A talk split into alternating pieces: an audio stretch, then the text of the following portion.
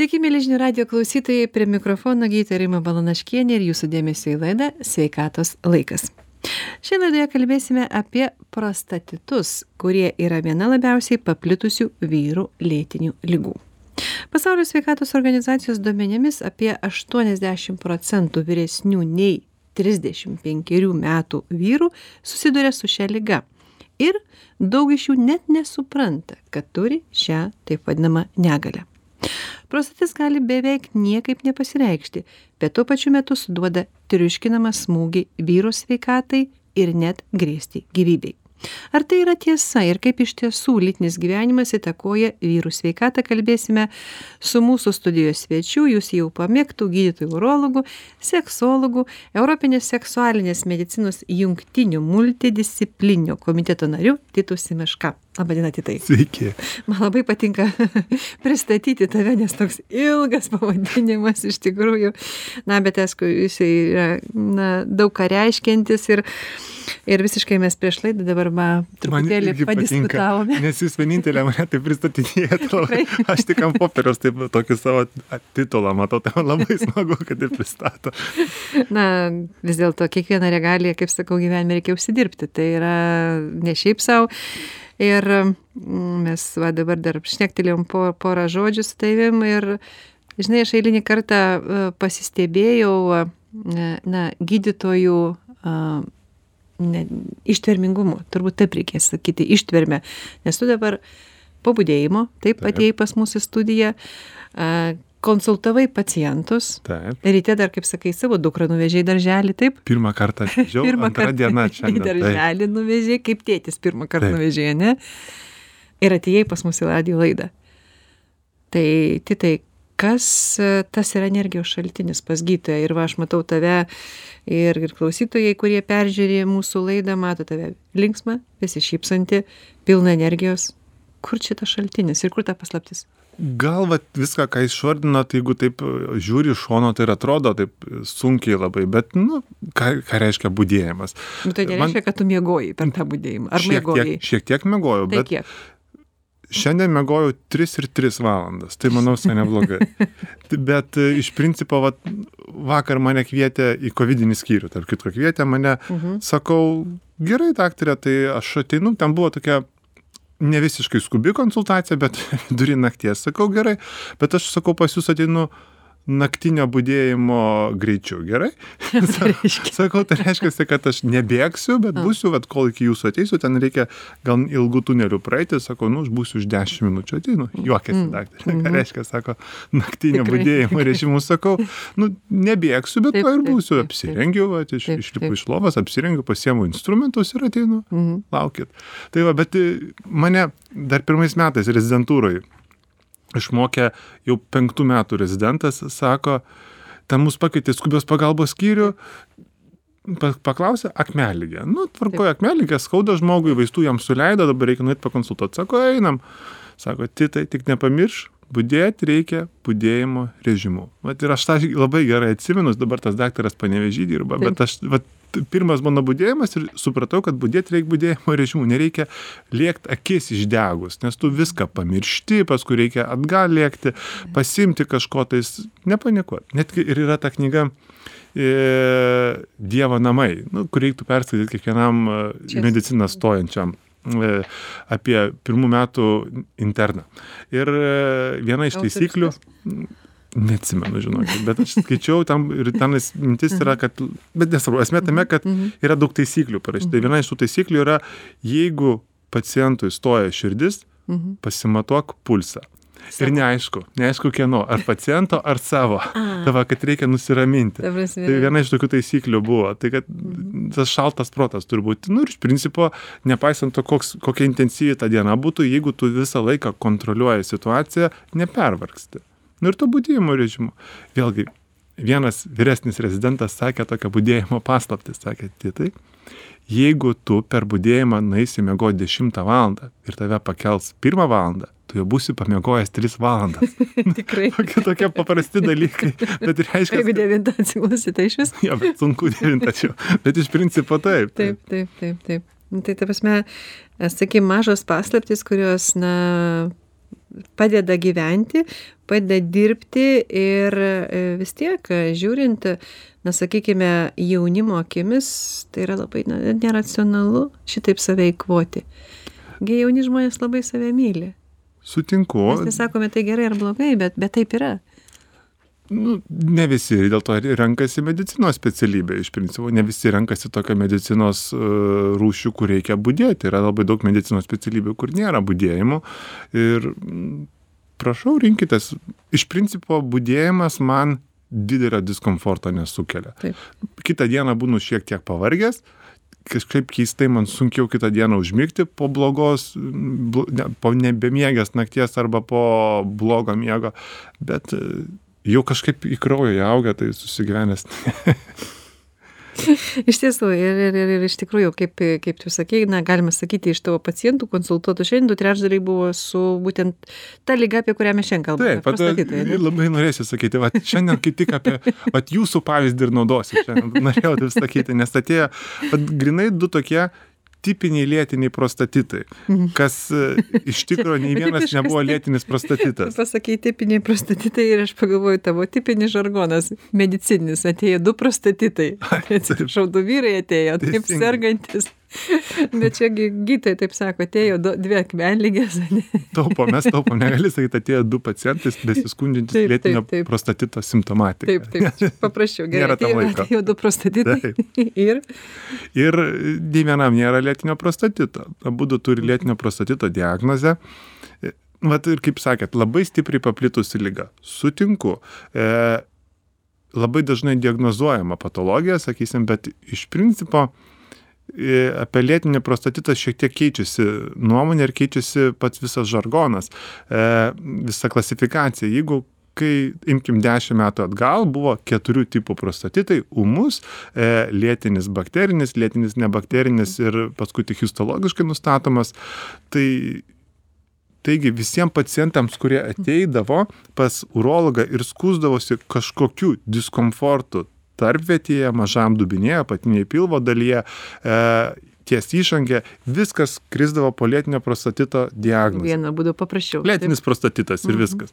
E, dabar tai yra šiek tiek diferencijuojama ir iš tikrųjų mes ūminį prostatitą kaip tokią atskirą patologiją paliekam ir yra lėtinis bakterinis prostatitas arba lėtinis mažo dubens skausminis sindromas kuris po savim slepia krūvą sindromų. Tai gali būti lėtinis mažo dubens hipertonusas, gali būti lėtinis e, šlapimo puslės skausmas, lėtinis prostatos skausmas, lėtinis tarpvitis skausmas, sėklidžių skausmas, kapšelio skausmas. Jis yra diferencijuojamas ir, ir šiek tiek skiriasi gydimas. Ir gydimas iš tikrųjų skiriasi visiškai nuo taip, kaip buvo anksčiau. Anksčiau būdavo ilgos antibiotikų dozės. E, tikintis, kad pacientams pagerės, netgi jeigu ir nenustatom bakteriologinio faktoriaus. Ir jiems padėdavo iš tikrųjų tos didelės antibiotikų dozės. Kas yra ilgos antibiotikų dozės, tai yra Europinės gairės sako 4,6 savaitės arba daugiau. Iki pusantro mėnesio. Jo, ir skirti reikėdavo antibiotikus, nors ir nenustatai jokio bakterinio faktoriaus, nenustatai bakterijos niekur. Ir daliai pacientų praeidavo. Ir realiai niekas nežino kodėl. Čia turbūt gydytojas iš nevilties paskirdavo Taip. antibiotikus ir tikėdamasis, kad tai tikrai padės pacientui, ne? tikrai pusantro mėnesio paciento nebus pas jį. Vat kame kampas. Todėl, kad net jeigu ir žiūrėtume e, užsienietišką, nu, a, europinės gairės e, lėtinio mažo dubens skausmo arba anksčiau lėtinio nebakterinio prostatito, pirmas sakinys tai yra, tai yra lyga, kuri pasireiškia visa aibė simptomų ir labai stipriai psichologiškai vargina pacientą bei jo gydytoją. Ir, Čia turbūt retas para- aprašymas apie lygą, Taip. kada gydytojas yra užsimenamas. Tai tai aš norėčiau, kad e, prie prostatitų mes šitą temą dabar šiek tiek e, paliktumėm šonę, ne, mes prie jos tikrai grįšime, nes tai nėra paprasta lyga ir aš taip suprantu, kad e, daugelį lygų galbūt, ne, ar simptomų, galbūt funkcinių sutrikimų, taip reikėtų sakyti, kai jie yra neaiškus, yra sumetama į tą kat- katilėlį. Turbūt, ane. Bet sakyk, prašau, apie urologinės a, mat, a, problemas norėčiau tavęs paklausti. Kas daugiau urologinių bėdų turi vyrai ir moteris? vyrai, Vyrai, taip? vyrai. Tai e, dėl čia anatominių ypatumų ar, ar kodėl? Todėl, kad urologinės problemos yra. E, inkstai. Tiek vyrai, tiek moteris turim šlapimtakiai, tiek ne? vyrai, Gal net moteris daugiau akmenlygė serga. Ne, nesakyčiau, akmelengė panašiai, tačiau šlapimo puslės uždegimai, vat, jeigu prieisim uždegimais, daug daugiau, apskritai infekcijomis daug dažniau serga moteris dėl savo Čia jau anatomijos. dėl anatomijos. Jo, taip. bet dėl hormoninio profilio vyrai serga sunkesniem formom ir mirtingumas jų yra didesnis. Tai jeigu mes žiūrėsim šlapimo takų infekcijos yra tokia kaip grafa, kas yra komplikuota, kas nekomplikuota infekcija. Tai vyriška lytis bet kokią šlapimo takų infekciją padaro komplikuotą infekciją ir dėl to, pažiūrėjau, netinka to pirmos rušies eilės antibiotikai, Lietuvoje nitrofurantainas ar fosfomicinas ar trimetoprimas.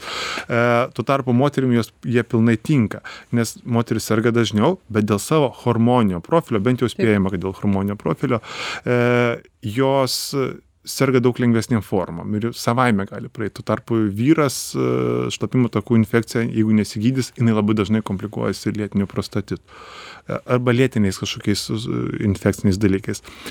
Bet jeigu pagal dažnį, tai sakysim šlapimo puslės uždegimas dažniau moteriams, bet paskui prasideda išorinių lytinių organų susirgymai.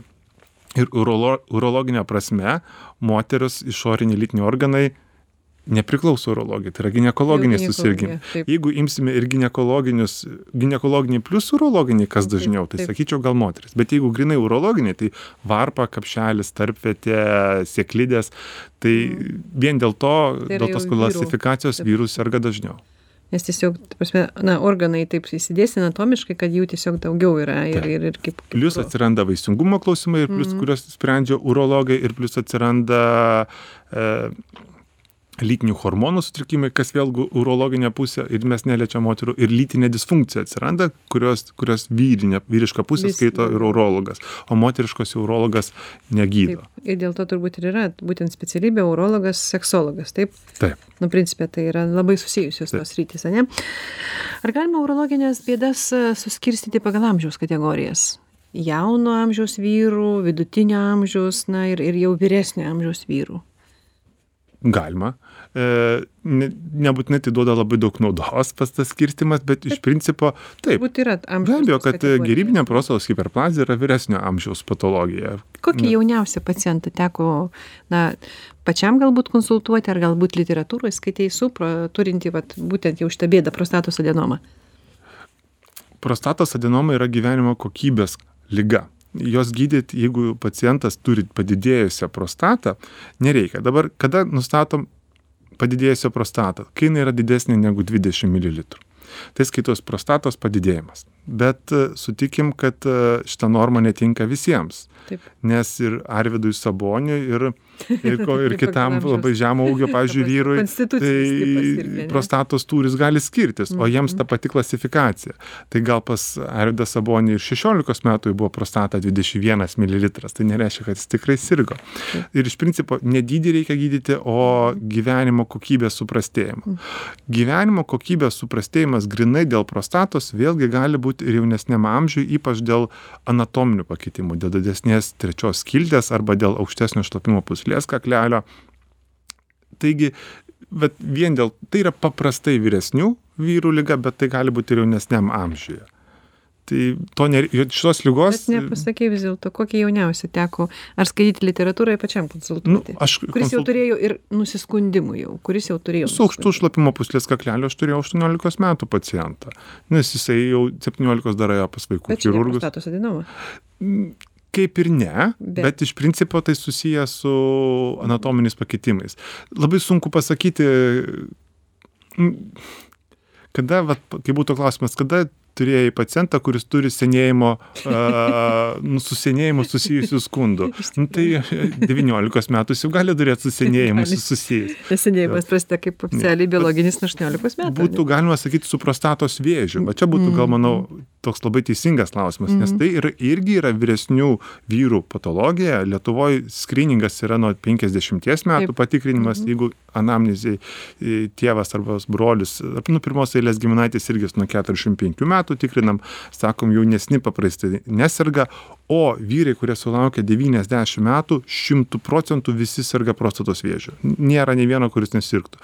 Bet tai nereiškia, kad tai yra pavojinga lyga. Pavojinga lyga yra tam vat, jaunesniam tarp e, 45, 65, 70 metų. Jis yra pavojingiausia, paskui jinai yra normali prostatos besivystimo kaip ir forma. Visi Ta prasme, prostatos vėžys vyrams virš 70 metų yra nepavojingas? mažiau pavojingas, dažniausiai jis yra lėtesnės eigos. Ir apskritai prostatos vėžys, nepaisant to, kad yra pati dažniausia vyriška onkologinė patologija, e, jos gydimas tampa kuo toliau vis mažiau agresyvus. Be abejo, yra labai blogų e, variantų tos lygos ir jos, jos reikia gydyti, bet e, imkim vėl 10 metų atgal. Kiek prieš tai buvo atliekama operacijų ir kiek yra dabar atliekama, skiriasi skaičius stipriai. Dėl to, kad mes pastebėjom, kad tam tikrus vyrus nustačius prostatos vėžį galim taikyti aktyvų stebėjimą. Tai reiškia nieko nedaryti, stebėti ir esant reikalui išoperuoti lygai progresuoja. Nes e, dažniausiai yra operacija arba spindulinis gydimas e, ir tai sukelia ir impotenciją, ir šlapimo nelaikymą. Ne visiems, bet yra rizikos faktorius. Bet čia Ir kalbame apie, atsiprašau, apie amžių, kuris jau virš 80. Tai Jeigu virš 80 metų, tai gal mes galim stebėti ir jam nieko Tai jau neatsitiks. kaip tu sakai, kad jau virš 80 metų visi vyrai, Virš 90. virš 90 metų visi vyrai, ta prasme, tikrai serga prostatos vėžiu. Taip. Bet jeigu mes pulsime juos gydyti, Tikėtina. tai tikėtina, kad jeigu jau ir taip jų gyvenimo trukmė yra, nu gal ciniškai skamba, bet Taip. iš principo jų gyvenimo trukmė tikėtina nėra labai ilga. Ir jeigu mes juos aktyviai gydysim, e, tikėtina, kad mes tos gyvenimo trukmės ir gyvenimo kokybės nepagerinsim ir trukmės neprailginsim. Iš tikrųjų. 90 metų vyro, vėlgi, 90 metų vyras nelygus 90 Taip. metų vyrui. Taip, taip. Ir yra atliekamos e, operacijos ir 80-mečiams, e, kurie yra tvirti ir stipri. Bet jeigu paimsime tipinį lietuvį, Mhm. 80 metų, jis nėra pats stipriausias. Ir gal mes tada palaukime, kol lyga šiek tiek progresuos ir taikykime hormoninį gydimą. Iš tiesų, a, labai, labai, labai įdomu ir, ir, ir ta tiesa tokia, na, kartais mm, skambanti iš medikų lūpų, ne, jinai galbūt klausytojams gali būti tokia gruboka, agresyvi. ane? Galbūt būt. ciniška, bet, bet, jei- bet reikia, kaip sakau, dar kartą įsiklausyti ir, ir, ir, ir išgirsti tai, kas yra pasakoma tuose žodžiuose. A, Aš paminėjau vidutinio amžiaus vyrus, ne? Apskaitai, sakykime, urologo akimis, kas yra vidutinio amžiaus vyras? tai keičiasi su urologo amžiu. Gerai, tavo akimis. Kas Vidutinis- amžius vyraus? 35-50. Tai yra vidutinio amžiaus vyras. Ne, bet jūs neteisingai, bet vat, Ne? jau iš karto savo kolektyvę gaučiau velnių šio klausimu. Taip, nes jau tu Nu, patektum į tą vidutinį amžių. Aš jau patekčiau. Bet tu, tu neskaitai dar savęs, tu dar prie jauno amžiaus vyrų skaitai, ar ne? Nu, aš jau jaunuolius es nebelaikau. Ne. Jau jaunuolių nebesilaikau. Nelaikau. Jaunuolius es nebelaikau nuo 29 metų, dėl to, kad e, kai man buvo 29, ne, kai man suėjo 30, aš važiavau mašiną ir aš išgirdau per radiją, kad, e, gal, kad jaunimo paskola yra toksai, kažkuris bankas teigia ir jaunimo paskola teikiama iki 29 metų. tai, va, tu jau vis- tai viskas, supratau, kad viskas jaun, jaunimas neveš. Tai va, tai va bet jis viskas sakyčiau vidutinis. nebe jaunuolis, taip, ta prasme, o, kaip sakai, tavo kolektyvas nepritartų, kad nuo 35 iki 50, kodėl? Dėl to, kad mano kolektyvai yra virš 50 metų ir jie yra, jaučiasi jaunuoliais. Vidutiniai- vidutinio amžiaus. Nu, jie jaučiasi jaunuoliais, bet e, Na, tai visai su mielu noru tai- sutiktų, kad juos vadintų vidutinio amžiaus. Bet jeigu taip jau e, rimtai, Vėlgi, priklauso nuo žmogaus gyvenimo būdo ir kaip jis yra Mhm. išsilaikęs, bet sakyčiau, nuo 35 iki, iki 60. Šiais laikais iki 60 dar yra vidutinis amžius vyrų. Jeigu, be abejo, jeigu jis nėra nukumuotas lygų ir, ir panašiai, bet e, aš turiu pažįstamų 60 mečių, kurie tikrai yra darbingi, e, sportiški, lytiškai pajėgus vyrai ir tikrai jos nereiktų vadinti senais, nes po vidutinio amžiaus Tai jau seni. mm, Tai jis tikrai nesenas. Na, pagyvenęs turbūt amžius būtų ir paskui senjorai, taip pasme, turbūt. Tikriausiai. Dar atsiranda dabar toks Bet čia toks labai individualus dalykas. kaip- Pagyvenęs ir jau senjoras paskui. Nu, gal sakysim, virš 60, bet mano tėvui yra 62 metai. Nu, jis mano akims vidutinis. Kartais, kaip pašneka, galvoju, kad jau vyresnis. Nu, negali būti bet labai retai. taip, Labai retai. Bet Tai šit- kartais, kai išminties pažiūrė, nu, tai galvoju, tikrai labai protingi. Išmintis taip. Sakyk, prašau, šito vidutinio amžiaus vyrams, kokios yra didžiausios bėdos? Jeigu mes kalbėjome apie vyresnius, ne, apie prostatos adenomą ir jau, na, vėžį prostatos, ne, tai šitas amžius, tai čia jau ir yra tas prostatitų tai vat- žydėjimas, ne? Tai nebūtinai prostatito, Ne. bet taip. Taip, tai yra gerybinė prostatos hiperplazija, e, prostatos vėžys, e, atsiranda lytinių hormonų disfunkcija, kas vat, būtent tam amžiuje atsiranda, sakysime, virš 45, virš, kartais virš 40, e, testosteronas stipriai krenta, dėl to iš karto atsiranda senstančio vyro simptomatika. E, rumenų masė sumažėja, lengviau priauga riebalinio audinio, e, lytinė funkcija suprastėja, mažesnis energingumas, prastėja sportiniai rezultatai, daugiau depresinių minčių, sunkiau susikaupti darbe. Nu, tokia simptomatika, kur sakytų, šlapimo srovė susilpnėja, atsiranda mintis, kad geriausi laikai jau praeitįje, o tokios mintis, kai atsiranda, iš principo, tai būtų galima sėti su žemesniu testosteronu. Vat šitie, realiai šitie punktai, kuriuos išvardinau, yra AMS tokia skala, yra, skalė, yra Aging Male Symptoms, tai yra senstančio vyro simptomatika. Tai va tie, kai atsiranda, tada mes galime ieškoti testosterono sumažėjimo ir esant reikalui jį sutvarkyti. Testosteronas, va tas, e, visi žino, kad tai yra vyrų hormonas, taip labai svarbus, bet e, jeigu mes turbūt padarytumėm apklausą e, šiandien vyrų, tai labai mažai kas jį įsityria ir žino netgi. Taip. Ir labai Tai labai keista. keista, ne? Atrodo, liktai visi žino, ne? Taip. Bet paklaustumo, koks tavo testosteronas, dažnas vyriškis Vat, nustebtų. manęs dažnai ir klausia, nu, va, daktaras sakyt, o kokius man tyrimus pasidaryti? Taip, taip. Nu, tokius standartinius pasižiūrėti bendrą kraują, cholesterolį, kad jis visai patinka, bet aš sakau, iš to, ką niekas nedaro, testosteroną pasidarykit. Tai va, man netgi keista, dabar tos e, visos medicininių tyrimų laboratorijos Taip, taip. e, rinkiniais pardavinėja Taip, taip, vyrų tyrimus. ten, tenais ir- jauno vyro, vyresnio Jau sportuojančio, taip, taip, taip. skaitančio, miegančio taip, vyro, taip, tai taip. visokie rinkiniai yra. Ir iš jų yra e, sportuojančio, tarkim, vyro ar senstančio vyro, neprispėtantro sportuojančio. Ir yra, vėlgi, yra e, VIP, super VIP, extra VIP, omega VIP, ten Taip. lygiai yra. Ir tik tais pačiam brangiausiam tyrimui, ten, kur yra 100 eurus 150 yra įdėtas testosteronas. Visose man reikėjo testosterono, o visa kita ten ant, virš, ant viršaus tik tais. E, esminis tyrimas testosteronas, tai turėtų pirmas būti pats tas bazė, o paskui ant jo dėti, nes jeigu mes, tarkim, sportuojančiam vyrui norim pasižiūrėti, man keista, kaip žmonės nežino savo testosterono. Principė, čia vyrams turėtų būti vienas, vienas pirmiausių, taip, ta prasme, tyrimų. Tai yra. Vienas svarbesnių. Taip, vienas svarbesnių, kaip Cholesterolis. cholesterolis, Širdis gal šiek tiek svarbiau, taip. bet Ir- testosteronas jis top 10. Čia, nu, kai eini daryti Taip. prak- taip tyrimų dėl savęs profilaktiškai, aš tai visiems testosteroną siūlyčiau sutirti. Aš tyriuosi Kokios normos? Kokios normos yra? Ar yra nustatytos normos? Kokios jos yra? Aš dabar skaičiau apie paketinę testosterono terapiją paskaitą neseniai ir aš galvoju, reikia, nes visi klausia, kokios Taip, yra taip, normos. taip. Ir- Ir aš paėmiau 10 laboratorijų Mhm. Ir visų normos skiriasi, nes jie turi skirtingus operatorius. taip, sakykim, Tai va, o jeigu nueisi, jeigu norma yra nuo 5 iki 25, sakysim, taip, Taip. taip. plius minus. Jeigu nueisi puslapį kulturizmas.lt, tai yra 50 brūkšnelis 100 yra normalus testosteronas, į kurį puslapį nueisi. Bet visur skiriasi. Bet toks bendras sutarimas yra, kad jeigu mes matuojam būtent tais vienetais, kuriuos matuoja Lietuvoje, tai aš norėčiau, kad pas sveiką vyrų testosteronas būtų 20-25. Pas jau stipriai sportuojantį, pas tokį atletišką 25-30. Jeigu e, simptomai, kurie yra susiję su žemų testosterono, atsiranda nuo 15. Tarp 15 ir 30 tokia pilka zona, bet jos paprastai mes neliečiam, sakom, keisk šiek tiek gyvenimo būdą ir tas susitvarkys. Nuo 15 atsiranda erektilinė disfunkcija, Mažiau, ta prasme. Jo, žemiau 15 jau krenta. Atsiranda erektilinė disfunkcija, nuovargis e, atsiranda nuo 12 patologinis riebalų kaupimasis, kaulų retėjimas atsiranda. E,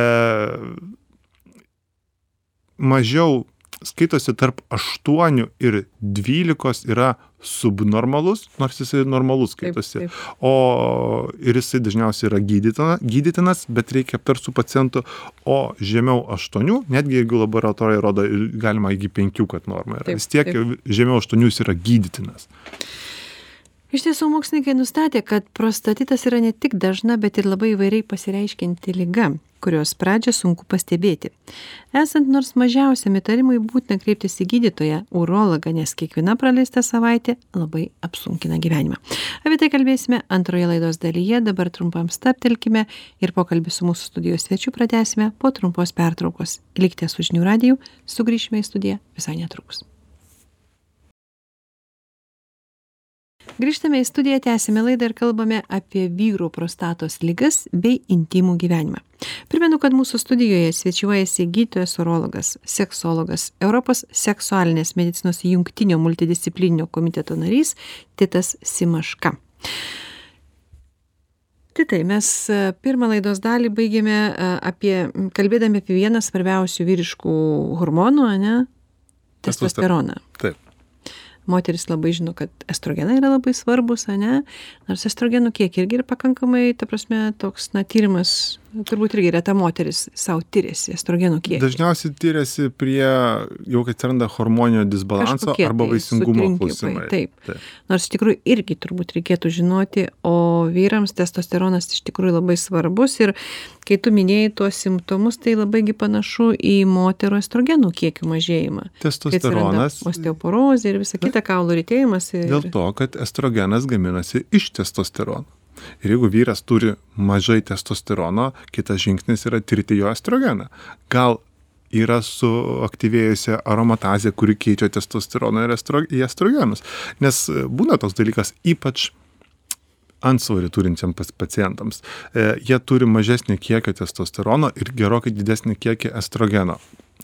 Čia yra slidus klausimas nes po teisybei niekas nežino kiek estrogeno turėtų būti pas vyrą. Taip. Laboratorijos duoda sk skaičius mes maždaug galvojam tai yra bet tai nėra visiškai šimtą procentų tai tikslu. ką mokslas iki šiol nėra ištyręs? Dėl to kad estrogenas labiau yra svarbus moterims. Mes tiksliai nežinom kiek mes turėtume palaikyti estrogeną pas vyrą. Bet jeigu jis pas vyrą reiškia jis yra reikalingas vyrui? Taip tai jisai reikalingas be abejo jis ir ir ir spermos gamybai reikalingas ir ir ir e riebaliniam audiniui. Estrogenas yra reikalingas vyrui tačiau visi galvoja kad tai tik moterų hormonas taip? Jo nes e, netgi ir libido jisai yra reikalingas nes e, libido priklauso nuo testosterono ir estrogeno santykio ir kartais yra vaistai kurie kelia testosteroną e, bet jie tuo pačiu kelia ir estrogeno kiekį. Ir padidėjus testosteronui jeigu būna didžiausias skundas libido trūkumas čia vyrams taip? vyrams. Ir mes pakeliam testosteroną tuo vaistu kuris kelia ir estrogeną. Kartais net ir esant aukštam testosteronui libido klausimas lieka neišspręstas. Tada mes turim tai taikyti kitą patai pakaitinę testosterono terapiją. E lygiai taip pat moterims estrogenas ir testosteronas svarbu. Tiek moterim tiek vyrams tas yra. Bet čia daugiau aišku yra endokrinologų duona. Taip taip. Sus bet su sąlyga kad e tai nėra kažkas kuo labai mėgsta užsiimti endokrinologai lietuvoj. E daug ateina vyrų pas urologą šiuo klausimu. Ir vėlgi kai buvo neseniai paskaita man iš vienas vedančiųjų tą paskaitą klausė sako kaip manai tai ar galima e ar gali urologas gydyti testosterono deficitą ar tai turėtų daryt tik endokrinologas? Nu ir aš vienareikšmiškai manau kad tai nėra beprotiškai sudėtingas dalykas ir jeigu tu turi tą know how jeigu tu moki tu drąsiai gali tą dalyką daryt užsieny tam yra andrologai. Andrologai. andrologai ko lietuvoje nėra tokio kaip andrologo e kai kurie endokrinologai vadina. Čia kaip ir seksologas sakysim. tai tu Mm. toksai tuščias dalykas kuriam neturi sertifikuotis lietuvoje. Užsieny yra atskiras andrologijos sertifikavimasis čia tokie jau gal medicininiai niuansai kuriems kur kurie labiau svarbiau yra gydytojams. O sakyk prašau vat a a vyrams ane? Sakykime na moterims be galo irgi tai aišku svarbu yra a tas santykis ir dažnai turbūt a žmonės nesupranta kas tas yra e pirminis testosterono sakykim kiekio sumažėjimas. Ta prasme ar pirma testosteronas sumažėja ir po to jau sumažėja jo sakykim libido tai yra potraukis ir galimybės visos sakykim ane e atlikti e lytinį aktą ar atvirkščiai jeigu žmogus labai pasyviai gyvena lytinį gyvenimą tai jo ir testosteronas sumažėja. Vat kas čia tas pirminis toksai? Čia yra labai geras klausimas, į kurį nėra vieno teisingo atsakymo. Tai yra tas įdingas ratas susimesga, tas cirkulus vidiosis, kur mes mokėmės. Mintis yra ta, tai, kad e, jeigu tu esi fiziškai mažai aktyvus, jeigu tu e, prastai miegi, nes tai tavo cirkadinis ritmas turi būti geras, nes testosteronas tik naktį gam- gaminasi, jeigu blogai valgai, jeigu nėra mytybai pakankamo riebalų, iš kurio gaminas cholesterolis, iš kurių gaminas testosteronas toliau. ta prasme iš cholesterolio gaminas testosteronas iš cholesterolio molekulės. Dėl to, pažiūrėjau, tie, kurie kūdinasi, Taip. e, lieknasi ir atsisako riebalų, taip tai e, tie, kurie e, sporto salėse augina raumenis, kultūristai, jie niekada to nedaro. Jie atsisako kalorijų, deficitas sukelia angliavadenius Taip, actą, tik nemažina riebalų. Nes riebalas reikalingas cholesteroliui, jis reikalingas testosteronui.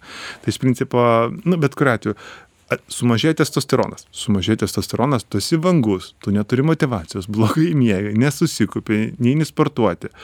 Dar labiau krenta testosteronas. Ir tas užsiveda tas įdingas ratas. Todėl kai kurie vyrai e, ateina su žemesniu testosteronu pas mane ir tada sako, ką daryti. Sako, būtų labai gerai keisti gyvenimo būdą. taip jis jau taip Mes- sveikai gyvena Nu, būna, kurie nesveikai gyvena, tai sakau, gerai, ži- numesti 10 procentų kūno svorio, to riebalų sąstą būtų idealu, jeigu pavyks taip. Mesti rūkyti, mesti pastovų kiekvieną dieną alaus išgerimą ten ar vyną, nesvarbu, etilo alkoholio. Be jokio alkoholio, tarkim, sumažinti, e, pradėk sportuoti, tankink regulių lytinių santykių dažnį, gerai miegok, ne, nemiegok, neik miegot antrą nakties ir keltis ten šeštą ryte. Tas, tas dalykas. E, ir testosteronas tavo pakils. Ir jeigu mes po trijų mėnesių matysim, kad jo pakilimo užtenka, super. Jeigu negalvosim. Bet jisai grįžta pas mane po mėnesio, sako, nieko nedariau, nėra motivacijos. Tada tu jam duodi testosteroną iš išorės su tą mintim, kad jisai suteiks šiek tiek motivacijos, kad jį trumpo laikotarpio, kad jisai pagerintų savo gyvenimo kokybę, e, būtų ge- tvarkingesnis gyvenimas tada mes nutrauksim, tada natūraliai perės. Nu, kai sakau, duodu testosteroną, tai netiesiogiai duodu testosteroną pakeliu pa- pagalbiniais metodais. ta prasme e, tai vis tiek ta tabletės ta prasme kažkokie Yra- vaistai ta prasme Yra keli būdai, kaip taikyti pakaitinę tą androgeno terapiją, tai yra, yra leidžiami vaistai, yra medikamentinis medikamentinis, yra leidžiami, yra tabletės, yra pleistrai, yra tepalai.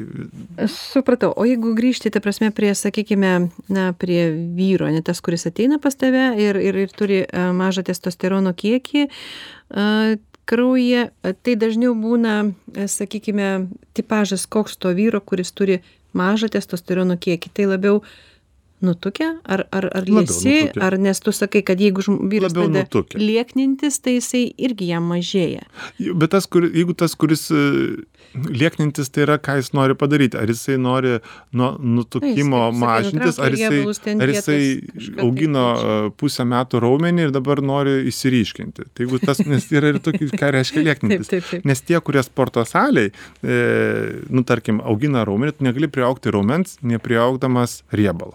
A, taip pat negali numesti riebalo, nenumesdamas raumens. Taip. Šiek tiek, nes nu, iš principo taip yra. Jie tokius turi kursus e, kultūristai, sakysim, arba ten visi, kurie sportuoja kūno formą palaikyti. Tai jie žino, kad negali atsisakyti riebalų. Tai jiems paprastai problemų nėra, nebent jie piknaudžiavo anaboliniais steroidais. O tai jeigu ateina tas tipinis pacientas, kuris turi žemą testosteroną, Taip, tai kaip jis atrodo, va, tas vyriškis? Šiek tiek prieaugęs viršsvorio, kaip taisyklė, sėslus, nesportuojantis, į klausimą užlipi, nes pas manęs laikas standartinis klausimas, ar užlipi penktą aukštą neuždusęs. E, Yra kartais be problemų, aš dviračių minu, viskas tvarko, o su žemų testosteronu kaip taisyklė yra, nu, senai lipau, bet užlipčiau, gal biščių užduščiau, nu, iš karto matos, kad nesportuojantis žmogus. Ir čia nepriklauso. Jis neturit kardiologinių problemų, nieko. Jo, tai mes paskui galvojame, reikia Taip, pas kardiologą, taip, reikia taip. dviratį praminti, kardiogramos įrašyti, mhm, nes tas irgi svarbu. Bet iš principo dažniausiai tai yra nutuktelės, pa, ateina jisai pas tave jau pavargęs. Jis ateina ir tu matai prieš save pavargusi žmogų. Tai va tas yra simptomas jo. Jisai blogai miega, jisai dirba naktiniam pamainom, paskui dieniniam, jisai dabar nervuojasi, nes jam verslas griūna. Kažkas visą laiką būna toksai žemas testosteronas, tu matai, pacientas na pavargęs pas tave. O kurio nakties metu labiausiai gaminasi testosteronas? Visos nakties. Didžiausia koncentracija yra ryte. Pati didžiausia koncentracija yra ryte, todėl kad jeigu kas nors, pažiūrėjau, klausytojai nutars pasitikrinti testosteroną, jį būtinai atlikti ryte tarp 8 ir 11 valandų, nevalgius negėrus. Tas yra svarbu, nes vėlgi vyre, gerokai vyresnio amžiaus vyrams tas testosteronas mažai sviruoja per parą laiko, bet jaunesniems n, sak- į- testosteronas visą laiką turi būti matuojamas ryte, nes jisai ryte yra didžiausias ir mums tą reikia didžiausią normą žinoti. Bet jeigu jisai prastai miega, jeigu jūs pabudėjimo einat kraujo priduoti, tai gali būti neteisingas testosteronas. tai vis tikėtina, kad bus nukritęs. Gali būti nukritęs. Iš tikrųjų. A, Dabar pakalbėkime vis dėlto apie prostatitą, tą lygą, kur mm, vyrams tikrai apsunkina gyvenimą ir tas skirstimas, ūminis prostatitas, lėtinis prostatitas, va kaip tu ir sakei, šiandien turi tavo buvo vienas iš pacientų, gyvas pavyzdys, ne, kuris sako, lėtinis prostatitas, kiek jam metų buvo tam vyrui? 21. 21 ir sako, aš turiu lėtinį prostatitą. Taip. Man diagnozavo prieš du metus lėtinį prostatitą. Iš 19 metų diagnozavo. Tai vis dėlto tas medicinis skirstimas yra ar ne? Ūminio ir lėtinio. Tarp ūminio ir lėtinio diena ir naktis. Ūminis yra aukšta temperatūra, apsunkintas šlapinimas, stipriai skausmingas šlapinimasis, su niekuo nesumaišysi šitos lygos. Tokia tikrai yra lyga. Tikrai, ne, ūminis yra. peršalo, pasimaudai šaltam vandenį, įkritai į eketę, nesvarbu, ant šalto vamzdžio pasėdėjai. Nu, prostatitas staigiai atsirado skausams apačioj, sunku prasišlapinti, sk- imituoja moterų cistitą, sakysim, tik tais gerokai stipresnis yra ir dažniausiai, dažnai su labai aukšta temperatūra. Tai arba ligoninėje gy- stacionare gy- gydom, arba stipriais antibiotikais gydome ambulatoriškai, bet yra trumpas e, sirgimas, greitai susirgo, greitai pagydė. Aiški diagnozė, simptomai. Viskas aišku. taip. Ten, jeigu apčiopti prostatą, čia yra klausimas, čiopti ar nečiopti tokiam pacientui, kur ir taip aišku, kad prostatitas. Tai jeigu jam dar čiopti, tai vat, čia amžina diskusija prie kavos pasurologus. Mhm. Bet iš principo ten viskas aišku. Lėtinis prostatitas tai yra neiškaus pobūdžio. Ne, sakau, ar jums skauda. Visi sako, neskauda, bet, bet sakau, diskomfortas. Va, sako, tas žodis neiškios ki- kilmės ir lokalizacijos diskomfortas mažajam dubinyje, apatiniai pilvo daly, tarpvietėje, gali iradijuoti organus, gali neiradijuoti. Visi prostatitai tie lėtiniai skiriasi, visi pacientai turi šiek tiek skirtingus simptomus ir dėl to šito vietoj yra labai nedėkinga patologija e, valstybiniai poliklinikui. Nes paprast, lėtinis prostatitas, jau toks jau tikras prostatitas lėtinis, ne tas, kuris buvo šiandien pasmatėjęs, kai įeina pro duris, jis paprastai rankose nešasi papkę dokumentų. Jis jau sako, tada jie naudoja kozerį, Su išrašais, taip sako, laba diena, daktarė, geri atsiliepimai apie jūs, aš tikiu, kad jūs mane išgydysit. E, ir tu turi 7, nu, šiaip turi 15 minučių, bet valstybiniai, kadangi pacientų daug, turi 7,5 minutės. O reikia atsineša Ir tą papkę atsineša. už 20 Ir dar ane? tą kozirį, kuris sakau, ne, ne, ne, tas labai yra paciento koziris, aš jumis pasitikiu, aš žinau, jūs mane išgydysit. Jisai visą atsakomybę numeta ant tavęs, Taip, nuo taip. savęs ir, ir dabar tas sakau, ne, ne, ne, lyga mūsų abiejų problema, Taip. aš padarysiu viską, ką galiu, bet aš stebuklų nedarau. Taip. Tikrai pasistengsiu padaryti, ką galiu, bet nešia pais. Bet iš principo, vat šiandien, kas atėjo tas vyrukas 19 metų, tai jis atėjo nežinau, kokia buvo situacija tiksliai jam prieš tos du metus, bet šiuo metu jis skundėsi mėnesis, kaip turi naują draugę. Ir, ir turėjo nesėkmingų lytinių santykių.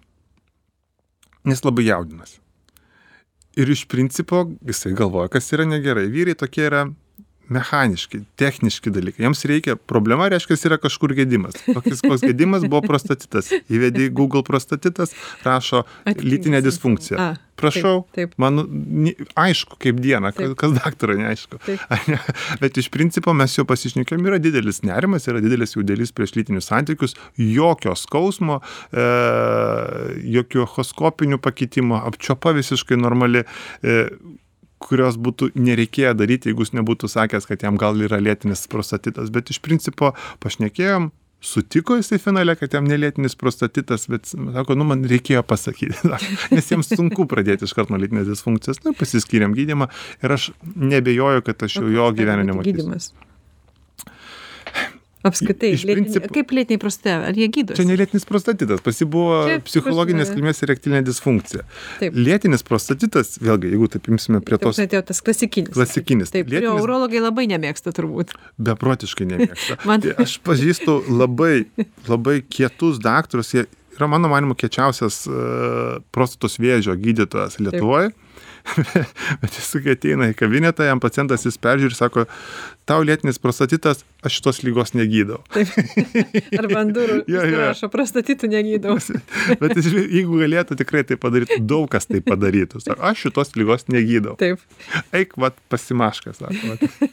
Bet tai kodėl? Ta prasme, kad tai yra uh, lėtinis dalykas ir, ir, ir na, kaip a, prognozės, pavadinkime, na, to tikro išgydymo yra pakankamai sudėtingos, nes kaip ir, kaip tu sakai, vyras, na, galvoja, kad tai, ta prasme, sugedo automobilis, reikia galima jį sutaisyti, ne? Tai šitoje vietoje nėra taip paprasta, ne? Ir, ir prie šitos vietos aš vėl norėčiau sugrįžti prie to, na, me- kai mes jau kalbėjom pirmoje laidos dalyje, užburto rato. A, Dėl prostatito sutrinka lytinis gyvenimas, taip. Netiesiogiai, bet taip. Taip. Bet viena iš prostatitų priežasčių gali būti ir, na, lytinio gyvenimo sutrikimas. Na, prasme, nepilnavertis, ar kaip pavadinti ją, ne? I- Kaip čia Taip. dabar? Dabar, vat, ar lytinių santykių dažnis turi, pavyzdžiui, įtakos lėtinio prostatito gydimui ir negydimui? Atsiradimui pirmiausia, galbūt jo. Ar atsiradimui? Iš Atsiradimui. principo, Jo, nuo to pradėkime. priklauso nuo to, kaip vyras dažnai įpratęs ejakuliuoti. Atsiradimui. Nes iš principo, jeigu vyras ejakuliuoja dažnai, o yra tokių vyrų, e, tai retas, reta ejakuliacija, pavyzdžiui, tarkime, ejakuliacija kartą į dvi savaitės arba ejakuliacija kartą į mėnesį. Visą gyvenimą. Jam tai problemos nesukelia. Yra vyrų, kurie ejakuliuoja kiekvieną dieną. Vat jam savaitės laiko susilaikimas iš principo, jeigu jis dar labiau susijaudina ir neejakuliuoja, tai gali sukelti prostatitą. Ejakuliacija tai galima pavadinti, tai yra e, lytiniai santykiai. Nebūtinai, masturbacija lygiai taip pat. Mm, Ejakuliacija yra ejakuliacija, nebūtinai nebūtinai lytinių santykių metu. E, ir dabar būtų klausimas, ar padidinus, jeigu yra lėtinis prostatitas, ar lytinių santykių dažnio padidinimas turi įtakos. Taip. Šiam, šiuo klausimu didžiausia studija yra atlikta Kinijoje. Tarp kitko, Kinijoje atlikta yra ir buvo pacientų, kurie ejakuliuodavo rečiau negu, du kartu, negu kartą per dvi savaitės. Ir turėjo lėtinio prostatito simptomatiką. E, jie atvyko ir dalyvavo tam moksliniam tyrimam, jiems buvo rekomenduota ejakuliuoti du arba tris kartus per savaitę. Dalis šio nurodymo laikėsi, dalis nesilaikė. Taip. Tie, kurie laikėsi, e, po pusės metų turėjo daug mažesnę prostatos e, simptomų, tam yra tokia skalė, įvertimas turėjo daug mažesnius simptomus negu tie, kurie nesilaikė šitų nurodymų. Tai, Tai- iš šito būtų galima sakyti, kad e, Vėlgi, viena iš, nieks nežino dėl to lėtinio prostatito kaip yra. Viena iš teorijų yra, kad prostatoje yra daug latakėlių, kuriuose gaminasi prostatinis e, skystis, kuris sudaro trečdalis spermos skysčio.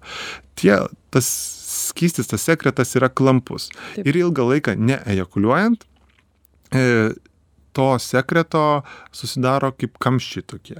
Ir juose ten kaupiasi infekcijos. Kita teorija yra, kad ant sienelių atsideda tokie bakterijų biofilmai. Nu, Bakterijos susidengia taip. plevelė, tampa Taip. rezistentiškos antibiotikams ir dėl to uždegimai simptomatika kartojasi.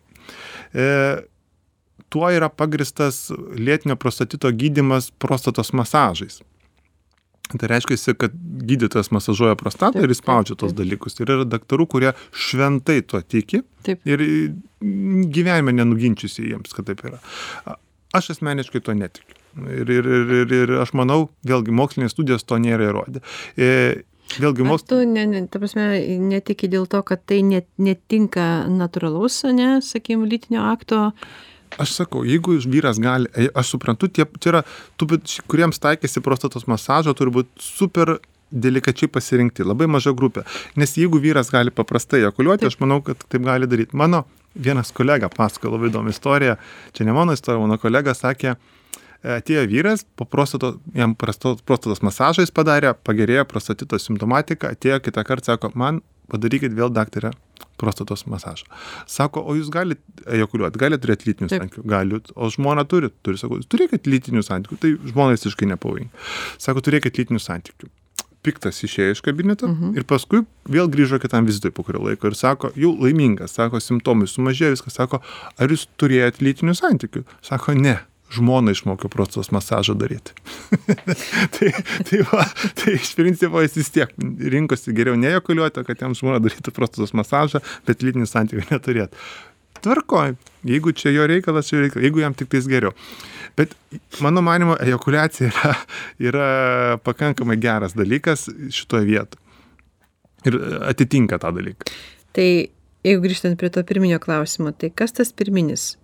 Lytinių santykių sutrikimas ir dėl to įsivystantis prostatitas, ar prostatitas ir po to sutrikę lytiniai santykiai? Ar met, mes ir taip, taip nesakę? Jo, aš manau, kad ir taip ir taip gali būti. Ir taip ir taip gali būti.